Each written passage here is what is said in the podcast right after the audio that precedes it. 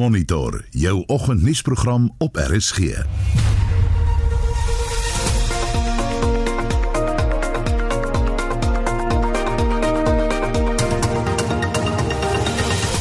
volgens die program Action SA is amptelik as 'n politieke party geregistreer. What I can tell you is that across the country we are now sitting at plus 160,000 volunteers. Die Oos-Kaapse regering stel voor dat strande en parke oor die vakansietyd gesluit moet word. En ons praat met 'n sielkundige oor sogenaamde pandemic fatigue, die term wat medisy gebruik om mense se verbreeking van COVID-maatreëls te verduidelik. Ook uh, Meksikaanse wetenskaplike glo hulle het dalk 'n nuwe spesies snoetwalvis ontdek. Goeiemôre, ek is Gustaf Greiling. En my naam is Anita Visser. Welkom by Monitor.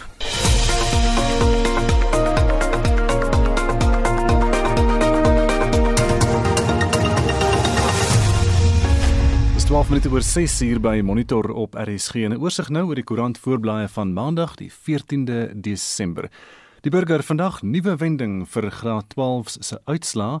Kwessie oor uitgelekte vraestelle is nog ver van verby en die matrieksertifikate kan dalk nou nie die papier werd wees waarop dit geskryf gaan wees nie. Nog 'n berig vandag Ramaphosa sê vanaand oor of vakansieplanne geraak word en Ons wil nie kerk laat skeur sê MKN die Morletta Kairos netwerk en dit na gister se onthulling en rapport oor die vergadering waar openlik gepraat is oor die sogenaamde onafwendbare skeuring van die NG Kerk. Beeld vandag tersiêre instellings kan self sê en dit ook oor die spook van die vraestelle wat nog loop en of matrieks toegelaat sal kan word by universiteite. Ook 'n berig Engele help Kurt Dern se gesin nadat motor hulle van agter tref. Volksblad se digitale voorblad het ook 'n foto van die dieretuinkantore wat vernietig is in 'n brand daar in Bloemfontein. Die dak het ingeval, meubels, rekenaars en ander toerusting is vernietig in hierdie brand Saterdag aand. Internasionaal op bbc.com Boris Johnson en Ursula von der Leyen onderhandel nog sterk aan 'n Brexit-ooreenkoms. Sy is positief, hy nie. Die spionasieskrywer John Le Carré is dood op 89 en Amerika het begin om die Pfizer-BioNTech-enstof te versprei na honderde plekke oor die land heen nadat noodgoedkeuring verleen is en ook Duitsland word nog verder ingeperk oor Kersfees. En dis vinnige oorsig van vanoggend se nuus. Ons praat later in monitor met 'n sielkundige oor sogenaamde pandemic fatigue, die term wat medisy gebruik om mense se verbreeking van COVID-maatreëls te verduidelik. Die feit dat Suid-Afrika nou amptelik sy tweede vlaag van die pandemie ervaar, met veral die Oos- en Wes-Kaap wat erg deurloop, maak die kwessie uiters relevant. Ons wil vanoggend by jou weet, hou jy nog by die reëls? Handhaaf jy sosiale afstande? Dra jy jou masker en was jy gereeld jou hande? Ons wil ook weet of jy al reisreëlings getref het ten spyte van die feit dat grense dalk toegemaak gaan word indien die pandemie vererger.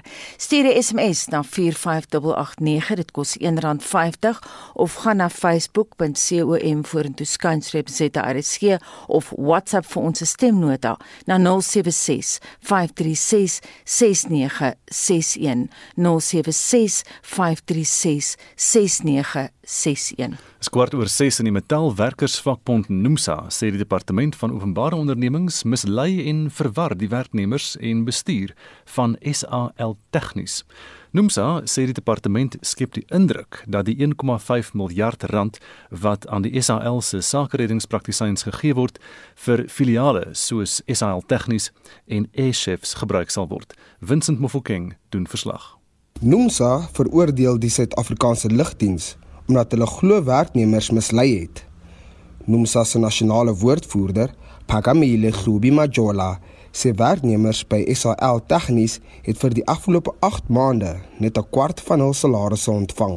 The DPE has created the impression that a portion of the 1.5 billion rand which was allocated to SAA business rescue practitioners would be used on subsidiaries of SAA including Mango, SAA Technical and Air Chefs.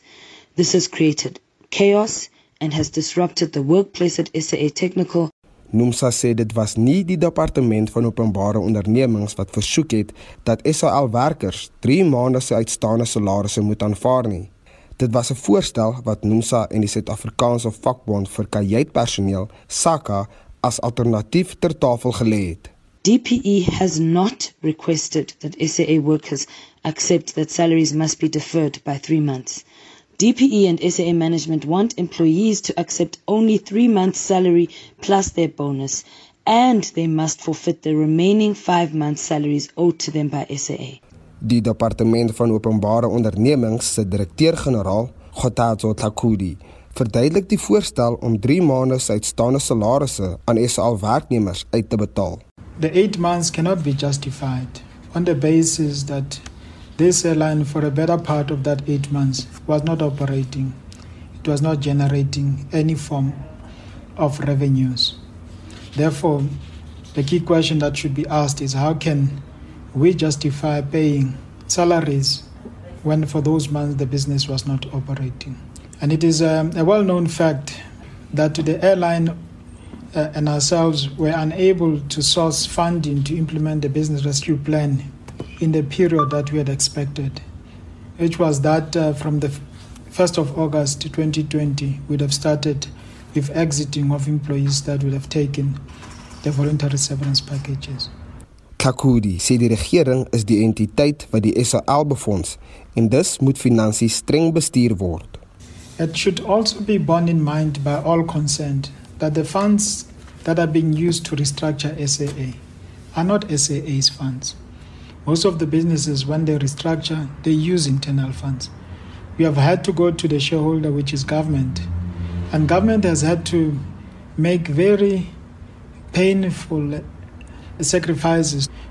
And some of these were to get the programs of government that benefit the less fortunate amongst ourselves.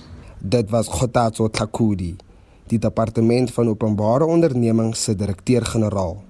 Ek Vincent Mofokeng vir SAK nuus.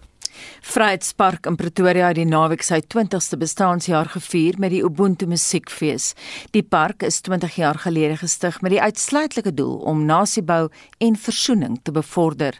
Die Musiekfees is deel van die reeks geleenthede wat hierdie jaar aangebied is om die park se 20ste bestaanjaar te vier. Lila Magnus het meer. Die organiseerder en kurator van die Ubuntu Musiekfees Ayanda Holo sê die fees is beplan om die beginsels van Ubuntu uit te beeld. It's a mixture of both of really, really what brings Ubuntu-ness of South Africa and something that is going to definitely move us forward, especially during this time of COVID. We said we're going to create and curate an event that is going to be a trend starter, that this event is virtually focused. It's an event that artists can work and create work and yet those who are at home can enjoy the music, can enjoy the purpose of the event. Vryheidspark herdenk by die muur van name mense wat onder meer teen apartheid geveg het en hul lewens opgeoffer het. Die musikant, The Real MXO, het ook opgetree. Hy sê musiek het 'n baie belangrike rol in Suid-Afrika se geskiedenis gespeel. You know, music uh, is is healing and therapeutic from our traumatic past. Now we are gathered uh, celebrating our heritage and behind me is a wall of fame with all our ancestors, our unsung heroes and sung heroes, people who fought for the struggle. So it's just a remembrance of, of let's not forget our roots and culture.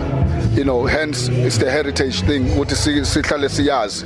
You know, we always remember. Die konsert sal vir die res van die week op Vryheidspark se webwerf gesien kan word. Ek is Lila Magnus vir SAK nuus in Pretoria. 20 minute oor 6 uur by Monitor en Action SA onder die leierskap van Herman Mashaba is sedert gister 'n amptelike geregistreerde politieke party by die verkiesingskommissie. Die kommissie het aanvanklik geweier om die party te registreer omdat daar te veel ooreenkomstige elemente in die kenteken was met die van 'n ander bestaande politieke party.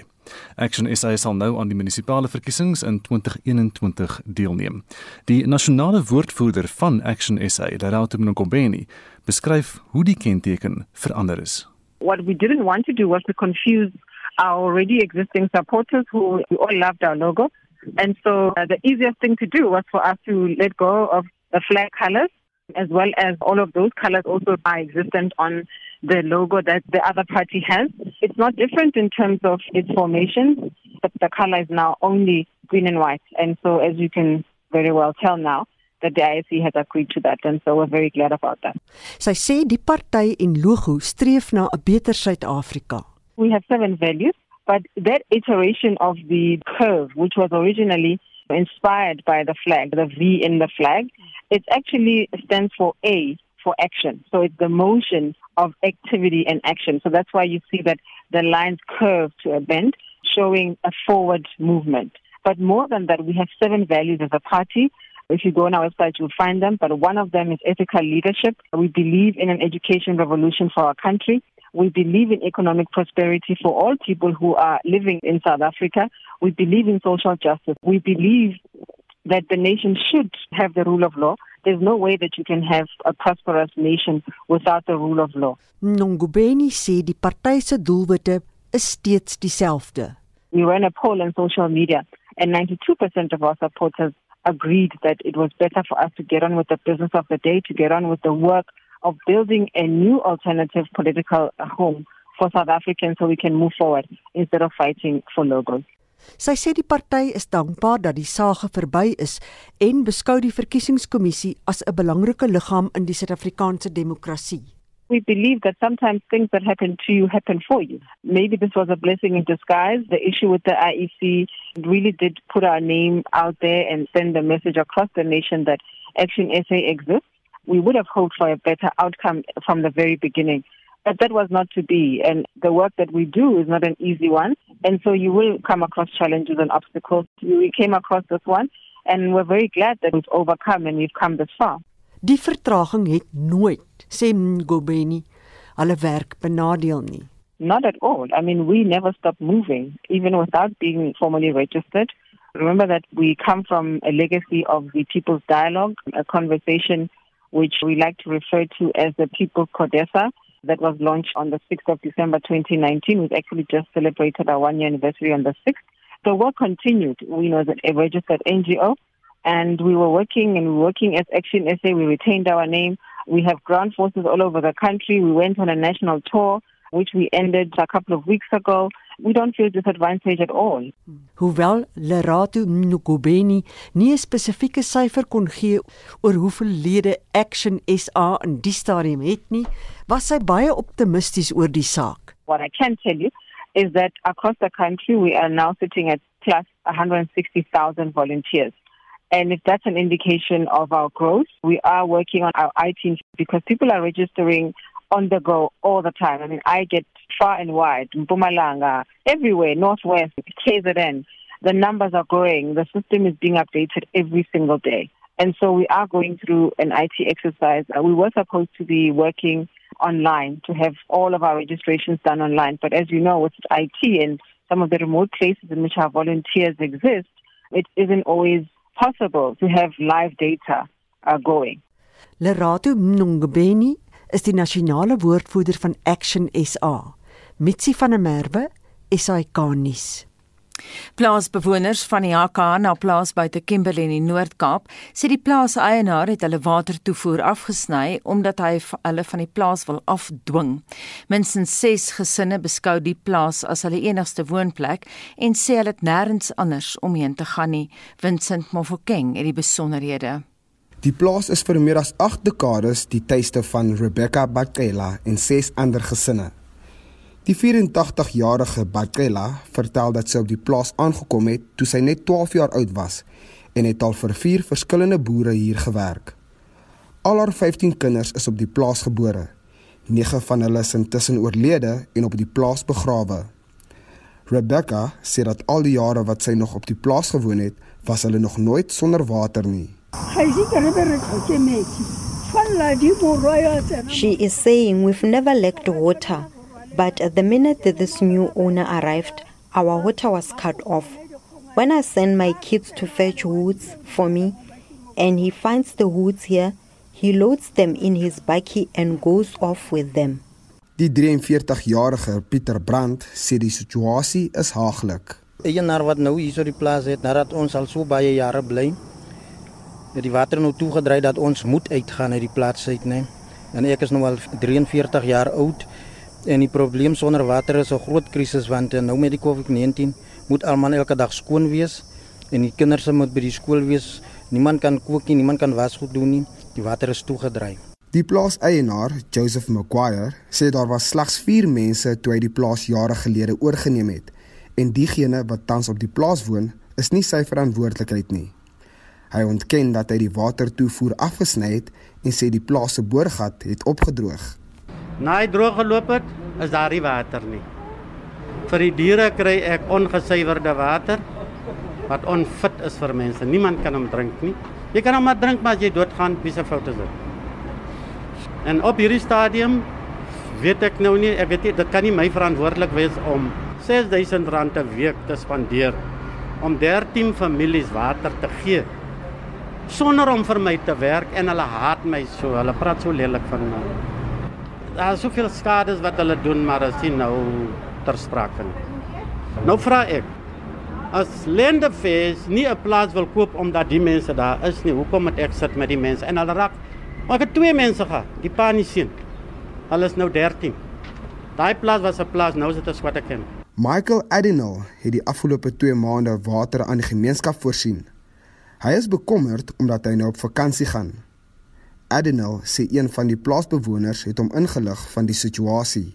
'n Werker wat soms in ons tuin werk, het my genader met WhatsApp en gesê kan ek asseblief uitkom hier na die na die plaas toe waar hulle bly en hulle bly al 63 jaar en langer op hierdie plaas want hulle het nie water nie. Ek het toe uitgery, het al die kanne opgelaai en toe ek hom ondervra, toe sê vir my die plaasboer, uh meneer Joseph Maguire, die eienaar, het die water toevoer na al die mense toe afgesluit. Die kinders kon nie skool toe gaan nie, hulle kon nie skoolklere was nie, want die ander kinders spot hulle en sê hulle sê hulle stink. En uh ek doen nou elke derde dag bring ek water vir die laaste 6 weke hiernatoe, maar ek gaan op vakansie oor 3 dae en Ek sit om te dink hoe gaan hierdie mense oorleef. Dit is onaanvaarbaar dat mense kan sonder water sit. Die Suid-Afrikaanse Menseregte Kommissie het bevestig dat 'n klag ingedien is. Chantal Williams is die kommissaris in die Noord-Kaap.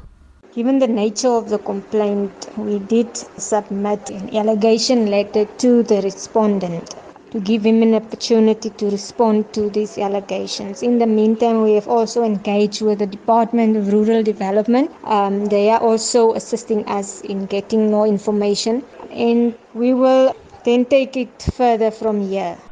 Opposisiepartye in die provinsie sê hulle gaan die ALR van landelike ontwikkeling skriftelik versoek om in te gryp. Die verslag van Mutlalepule Morake, Vincent Mufokeng vir SAK nuus. Jy luister na Monitor elke weekoggend tussen 6 en 8.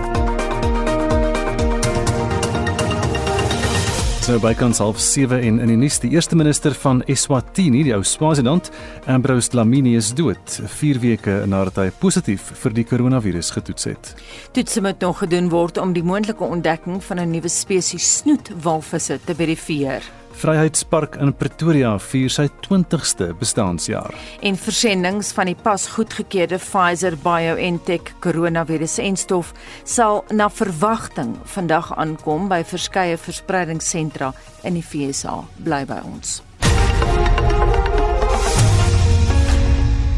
Estie Grey Edelkraat sê ons was ons hande, ons hou ons afstand en dra ons maskers waar nodig. Ons het voortgegaan met kamperingsbespreking.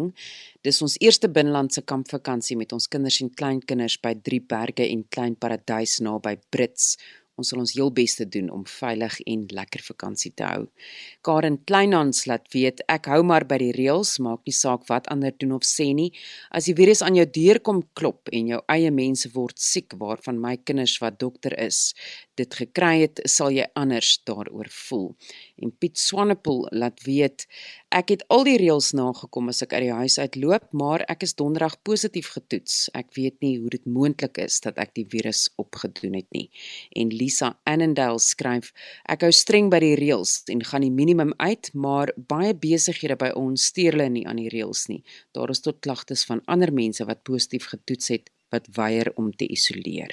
Ons ons praat vanoggend in monitor oor pandemic fatigue fatigue, soos wat mediese kenners dit noem, en ons wil by jou weet, hou jy nog by die COVID-19 maatreëls. Dra jy jou masker en was jy gereeld jou hande.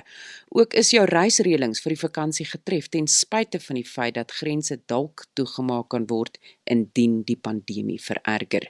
Stuur vir ons 'n SMS na 45889 teen R1.50 per SMS.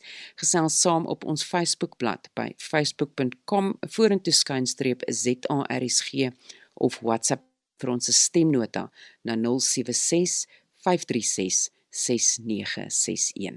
Dit is nou so 26 minute voor 7 en dit was 'n besige sportnaweek. Shaun Jooste het 'n opsomming van al die gebeure en die uitslae. Ons fokus vanoggend op van die naweek se sportgebeure en begin met rugby nuus. In die Karibeeke reeks het die Haie die Bulle Saterdag in Durban met 32-29 uitoorlê.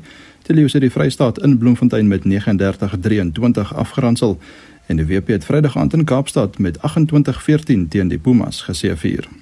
Op die netbalbaan het Tshwane die Spar nasionale kampioenskappe vir 'n derde agtereenvolgende jaar gewen, hulle Dr Kenneth Kaunda van die Noordwes provinsie Saterdag in die eindstryd in Bellabella met 44-39 getroof het. Tshwane het ook met die onder 21 titel weggestap toe hulle Mangaung naalskraap met 50-48 geklop het. Motorsport.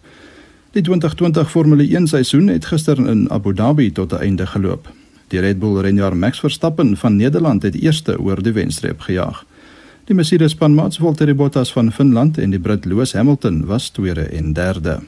Op die golfbaan het die Engelsman Matthew Fitzpatrick die titel by die Wêreldtoer Kampioenskappe in Dubai met 'n eindtelling van 15 noue onder die baansyfer ingepalm. Nog Engelsman Lee Westwood was die algehele wenner van die wedloop na Dubai reeks na sy tweede plek en Brandon Grace het die beste onder die Suid-Afrikaners gevaar en gesamentlik 8ste op 9 onder geëindig. Die Amerikaanse vroue ope word vandag voltooi nadat gevaarlike weeromstandighede spel gister onderbreek het. Japan se Inako Shibuno op 4 onder is die voorloper en Suid-Afrika se Ashley Buy is gesamentlik 40ste. Kriket. Nieu-Seeland het hulle toetsreeks teen die Wes-Indiese eilande met 2-0 beklink toe hulle die Windies vanoggend in die tweede en laaste toets van die reeks met 'n beurt en 12 lopies vir Morsel het. Die plaaslike 4-dag reeks se 5de ronde het gister begin. Na dag 1 staan die Knights op 327 vir 6 in hulle eerste beurt teen die Lions en dit is in Bloemfontein. Die Cape Cobras het die dag in Port Elizabeth op 72 vir 3 in hulle eerste beurt in antwoord op die Warriors se 194 geëindig. En die Titans staan op 269 vir 9 in hulle eerste beurt in Centurion teen die Dolphins. Sokker Orlando Pirates het Bloemfontein Celtic Saterdag aand in die MT8 eindstryd in Durban met 2-1 geklop. Die tellings in gister se Engelse Premier Liga wedstryde was: Leicester City 3, Brighton and Hove Albion 0, Fulham 1, Liverpool 1, Crystal Palace 1, Tottenham Hotspur 1 en Southampton 3, Sheffield United 0. Arsenal het 1-0 teen Burnley verloor.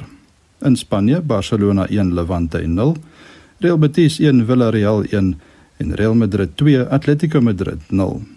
In die Bundesliga het Bayer Leverkusen vir Hoffenheim met 4-1 kaf gedraf. In Frankryk het Lyon 1-0 teen Paris Saint-Germain geseëvier en in Italië het Inter Milan vir Cagliari met 3-1 verslaan terwyl AC Milan en Parma 2-1 gelyk op gespeel het. Mosambik het met die louer in die onder 20 COSAFA kampioenskappe in Port Elizabeth weggestap na 'n 1-0 oorwinning oor Namibië. Angola 2-1 teen Zambië gewen en derde geëindig. Laastens in Branderplankruinies.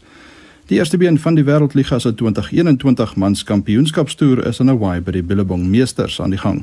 Suid-Afrika se Jordi Smith en Matthew McGillivray het na die laaste 32 ronde deurgedring. Die been kom Sondag tot 'n einde. Shaun Schuster, SAK Sport.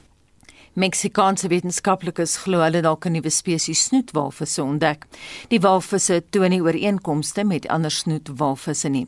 Helaas moet nog toetse gedoen word om die ontdekking te verifieer en die feit dat die walvisse op dieptes van tot 2 km swem bemoeilik die navorsing. Nou vir meer besonderhede hieroor praat ons nou met uh, professor Henk Bouman van die departement van dierkunde aan Noordwes Universiteit se Potchefstroom kampus. Henk, goeiemôre. Goeiemôre Gustaf, Anita en luisteraars. Hoe is hierdie ontdekking gemaak gegee dat die walvisse met so diep onder die see se oppervlak swem? Ja. Ja, die see is, is nogal diep en ons kom nie baie maklik daar diep onder uit nie. Maar hulle het al vermoed dat daar 'n nuwe spesies van walvis is sedert 2018 toe hulle die vreemde geluide ge gehoor het met 'n hidrofone. Hulle het juist gekyk na ander uh, walvis spesies. Ehm um, die weer ehm um, die, die perren tandwalvis. Ehm um, nogal relatief. En jou foon breek breek nogal op. Kan jy so 'n bietjie beweeg vir ons asseblief? Anders mis ons so elke derde woord. Okay. Daar's hy. Daar's hy. Of as 'n Nee, nou is dit erger. Nou kan ons jou minder hoor. As jy nog so ergens anders heen kan probeer beweeg waar jy waar jy gewoonlik sien sal hê. Ja. My nou hoor? Daar hoor ek jou nou, ja. Okay. Ehm um, die ehm um, hulle het vermoed die spesies bestaan as gevolg van klanke wat hulle vroeër opgeneem het in 2018. En hulle het nie geweet aan watter van die walvis spesies dit behoort nie. Hulle ons weet van 23 walvis spesies en hierdie sal moontlik die 24ste een wees. Maar die klank eh uh, het het dit weggegee. En toe hulle nou navorsing doen of na gebied beweeg uh, met hulle hidrofone, toe kom skielik hierdie drie walvisse aangeswem na hulle toe. Hulle neem toe foto's en hulle besef toe hoorie maar die vorm van hierdie walvis is anders as die walvisse wat hulle reeds ken. Ehm um, en die klanke wat hulle maak is nou spesifiek ook die klanke wat wat hulle dan vroeër opgeneem het. Ehm um, wat hulle toe gedoen is om foto's te neem, hulle het nou nie die walvisse gevang nie, maar die foto's en die klanke en dan moontlik ook eDNS uh, wat uh, wat hulle gaan kyk na of dit dalk 'n nuwe soort van walvis spesies is.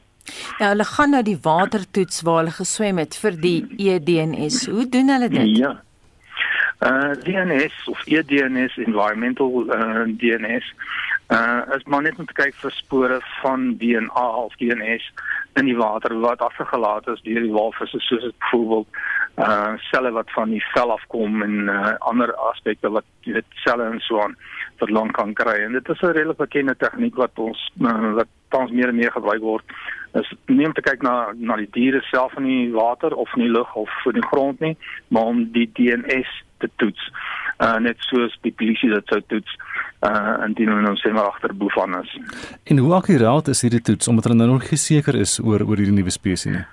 Ja, dit sal eerder 'n proses van eliminasie wees. Ehm um, aangesien dat waarskynlik nou reeds DNS het van die ander walvis spesies, kan hulle kyk of dit ooreenstem of nie of tot watter tot watter mate dit verskil. En uh, hulle is relatief naby aan mekaar in terme van DNS volgorde, maar uh, daar is tog wel verskille wat hulle kan opspoor. Hoe lank sou dit neem? Uh, nee, dit uh, dit is nie raak gelees nie. Ek het nie gehoor of hulle hulle moet nog eers kyk of hulle dit gekry het, laat so stel. Uh, en dis hulle drie watermonsters geneem, ja? Kom ons praat 'n bietjie oor snoetwalvisse. Wat weet ons van hulle? Byvoorbeeld, hoe ver kan hulle met mekaar kommunikeer? Presies hoe ver dit is, weet ons nie seker nie. Uh water is digter as lug, 4.3 keer ligter as ehm um, lug. En ehm um, die water uh, die klank uh, gaan terwyl 4.3 keer vinniger deur water as lug. Ehm um, en ehm um, die hidrofone wat die uh, Amerikaanse vloot gebruik om na die Russiese duikbote te luister, het aanduidings gegee dat die klanke wat hulle maak kan die walvis gebruik tot 480 km ver uh om dit te doen, maar die klanke kan selfs duisende kilometers ver onder die water ehm um, voortplant dis dit kan baie ver wees, baie duisende kilometers, maar ons weet nie. Ons het nou gepraat hier in die inleiding van hoe diep hierdie walvisse swem. Wat is die hoe diep gaan hulle? Hoe wat is die diepteik rekords van die walvisse en hoe lank kan hulle daar bly? Hoe lank kan die diere onder die water bly voor hulle nou met ja. asem kry en so? Al die wêreldrekord wat ons tans het is die Cuvier walvis. Ehm um, hulle het 'n groep van 23 walvisse het hulle met sondes ehm um, uitgerus en aangesit en het gekyk na die dieptes wat hulle registreer. En die een rekord wat ons gekry het, is die Cuvier tandwalvis soos ek gesê het, is 3 uur 42 minute wat hy onder die water bly sonder om asem te haal. Dis 'n redelike lang uh, um, ja, lang ruk. En dan kan hy tot 2 km diep duik. Ja. 3 uur en 42 minute sonder om asem te haal. Ja, so is sy liggaam ja. aangepas om om daai suurstof baie stadig te gebruik. Ja, wat gebeur is dat omdat so diep is, is die druk geweldig hoog. Hmm. En om daarvoor te akkommodeer, um, kan jy nie lug in jou longe hê nie want goed gaan dit bars.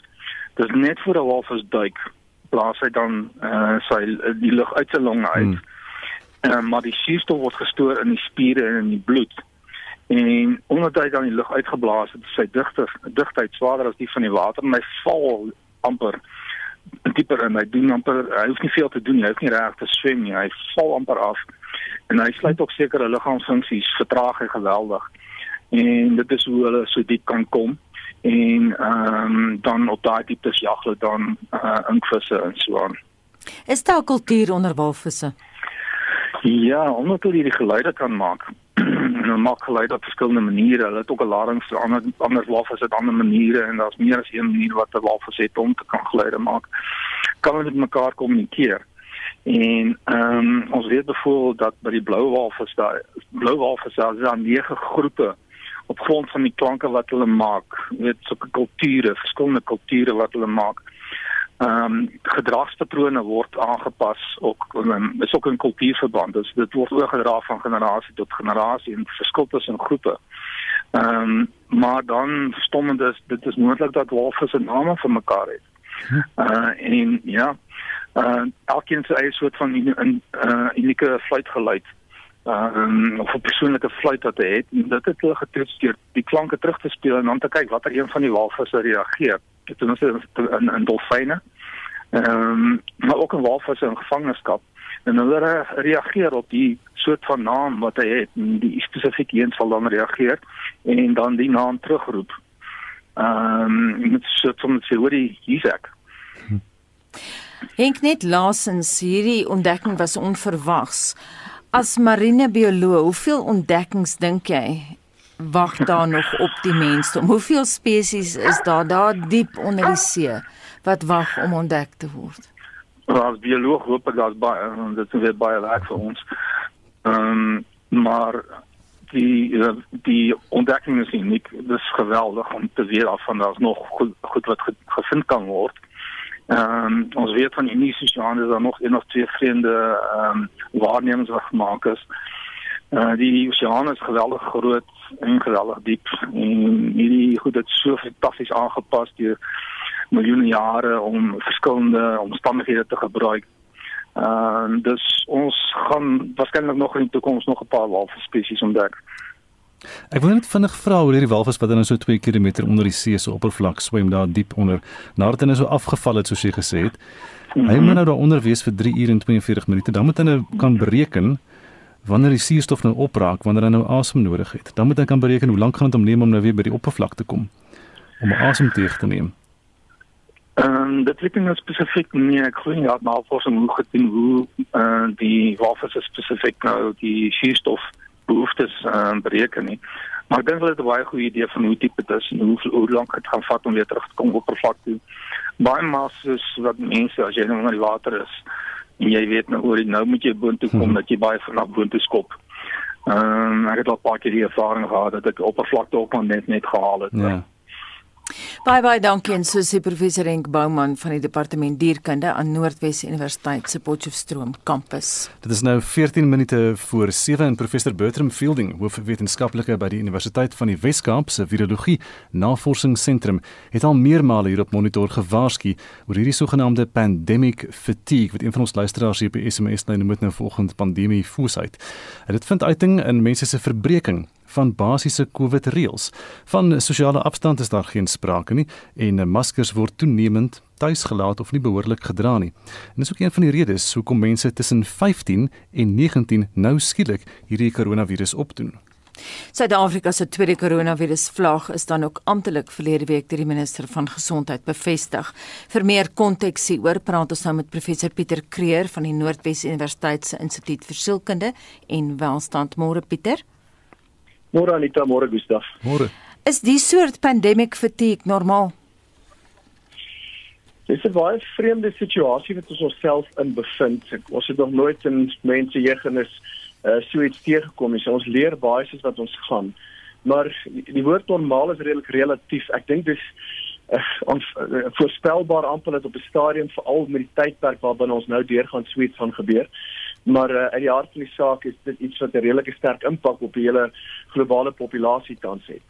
Ehm um, iets wat ek dalk wil bysê daarso is dat alhoewel ons almal in dieselfde situasie is teoreties, is deel van die probleem dat ons het totale verskillende reaksies op 'n situasie alhoewel dit feitelik blyk dat ehm um, uh dit alles vir almal dieselfde is en ek dink dis waarvan die probleme begin inkom. Is die die pandemie fatigue, is dit gaan dit oor die um, siekte self, raak mense moeg vir die siekte of raak hulle moeg vir die maatreëls die die regering wat goeders afdwing op jou wat jy nie wil hê nie? Ek monitor hierdie nou goed vir die laaste 5, 6 maande en ek het nou voorreg met groot groepe mense te werk en met individue te werk. En ons het nou met 'n 'n pop populasie van oor 23 lande gewerk wat ons oor 8000 mense deur sekere vraelyste gesit het en reaksies getoets het. En dit blyk vir my dat daar drie groot interessante goedes wat 'n rol speel op hierdie reaksies wat ons tans van mense sien. So die eerste ding is iets wat hulle noem 'n confirmation bias. So dis dis 'n tipe van 'n 'n kognitiewe vooroordeel wat ons het 'n gedagteproses. Dit beteken mense is baie geneig om inligting te soek wat bevestig wat hulle reeds glo. Hmm. So sodra jy kry waar jy waar jy soek, dan stop jy. So dit baie hang baie af wat jou aanvanklike inligting was en waar jy ingesteldheid sit, hoe jy gaan reageer. Iets wat dan daarmee saamgaan as 'n tweede punt is die is die beskikbaarheidsvooroordeel. In Engels noem hulle die availability bias. Ehm um, daar's ook 'n interessante term wat hulle noem die die Wysiati principle wat maar dieselfde ding is wat akroniem is wat sê what you see is all there is. Bedoel dit enigiets wat jy in jou korttermyn geheue hou of onmiddellik kan herroep het 'n disproporsionele invloed op hoe jy reageer.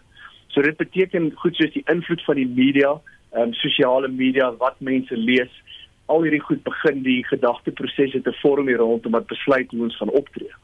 Maar die derde ding wat hierby aansluit, dink ek, as jy gaan kyk wat die vorige twee goed sleg gaan beïnvloed is te veel inligting, te veel inligting wat verander, ehm um, te veel kontrasterende inligting. Hmm. As jy terugdink aan die begin was dit gewees maskers gaan nie 'n verskil maak nie en nou is dit maskers moet gedra word. Hmm. Dan is sigaretverkope opgehef, dan kan jy nie drank koop nie. Dan so daar's heeltyd as jy kyk hoe ons met verskillende inligting gebombardeer word. En ek dink die die onderliggende toon van die regering was baie sterk heeltyd dat daar 'n tekort aan wetenskaplike rasionaal vir die besluite of as daar was is dit baie swak gekommunikeer. So die oomblik is mense nie meer weet wat om te glo nie. Daar's te veel inligting en dit verander dan begin die houding amper te word maar okay ek sal terug na nommer 1 en 2 toe wat die confirmation bias en availability bias is. Dan begin ek myself te probeer uitmaak weet wat is die feite hierso en dis hoekom ons so 'n reeks van verskillende reaksies van mense sien op hierdie pandemie. Peter, hoe werk mense teen? Hoe oortuig die owerheid mense om weer hulle maskers te dra en sosiale afstande te handhaaf? Anita, as ek daai antwoord gehad het, kom verlede week in die regering al reeds verkoop, maar ek gaan dan vir jou klein bietjie omswaai en sê die groot uitdaging wat hulle het is omdat jy met soveel verskillende ehm um, benaderingswerk, sieningewerk, mense se eie reaksies op die situasie, moet jy amper gaan kyk na waarmee mense te doen hierso. En ek dink ek wil hom of amper verkeerd om antwoord om te sê jy moet eers gaan kyk na wat is dit wat mense veroorsaak om nie die reëls te volg nie. Ek dink daar's 'n groot impak wat jou tipiese groot vyf persoonlikheidstrekke gaan speel hierby. Ehm um, as jy gaan kyk byvoorbeeld na mense wat 'n sterk neurotiese tipe persoonlikheid het. Hulle gaan verskriklik swaar kry met onsekerheid. Hulle gaan 'n groot vrees hê om die virus op te tel. Jy gaan nie baie inligting nodig hê om hulle reaksie te swaai nie. Twee van die ander trekke in die groot vyf sien ons openheid en en ekstraversie wat hulle noem. Hierdie is mense wat soek vir sosiale geleenthede, soek vir interaksie. Hulle, hulle gaan alles die lewe gaan oor ervarings. So hulle is bereid om die positiewe na te jaag en partykeer die negatiewe klein bietjie op sy te skuif. So afgesien van die feit dat die virus gaan optel, as jy die cost-benefit daarop gaan doen is wel ek is ek wil eerder uitgaan in die lewe ervaar en ek gaan my kansse vat. Ehm um, as wat ek nou in die huis gaan sit en niks gaan doen nie en nie mense gaan sien nie. Veral binne die die tydsaspek wat ons van praat. Dit as jy in die begin dit is 'n 3 weke was as die aanvanklike lockdown was wat toe 6 weke geword het en maar nou trek. Dan gaan daai tipe persoonlikheidstrekkie sê wel, ek sien niks op myself sover nie, so ek's bereid om die kans te vat.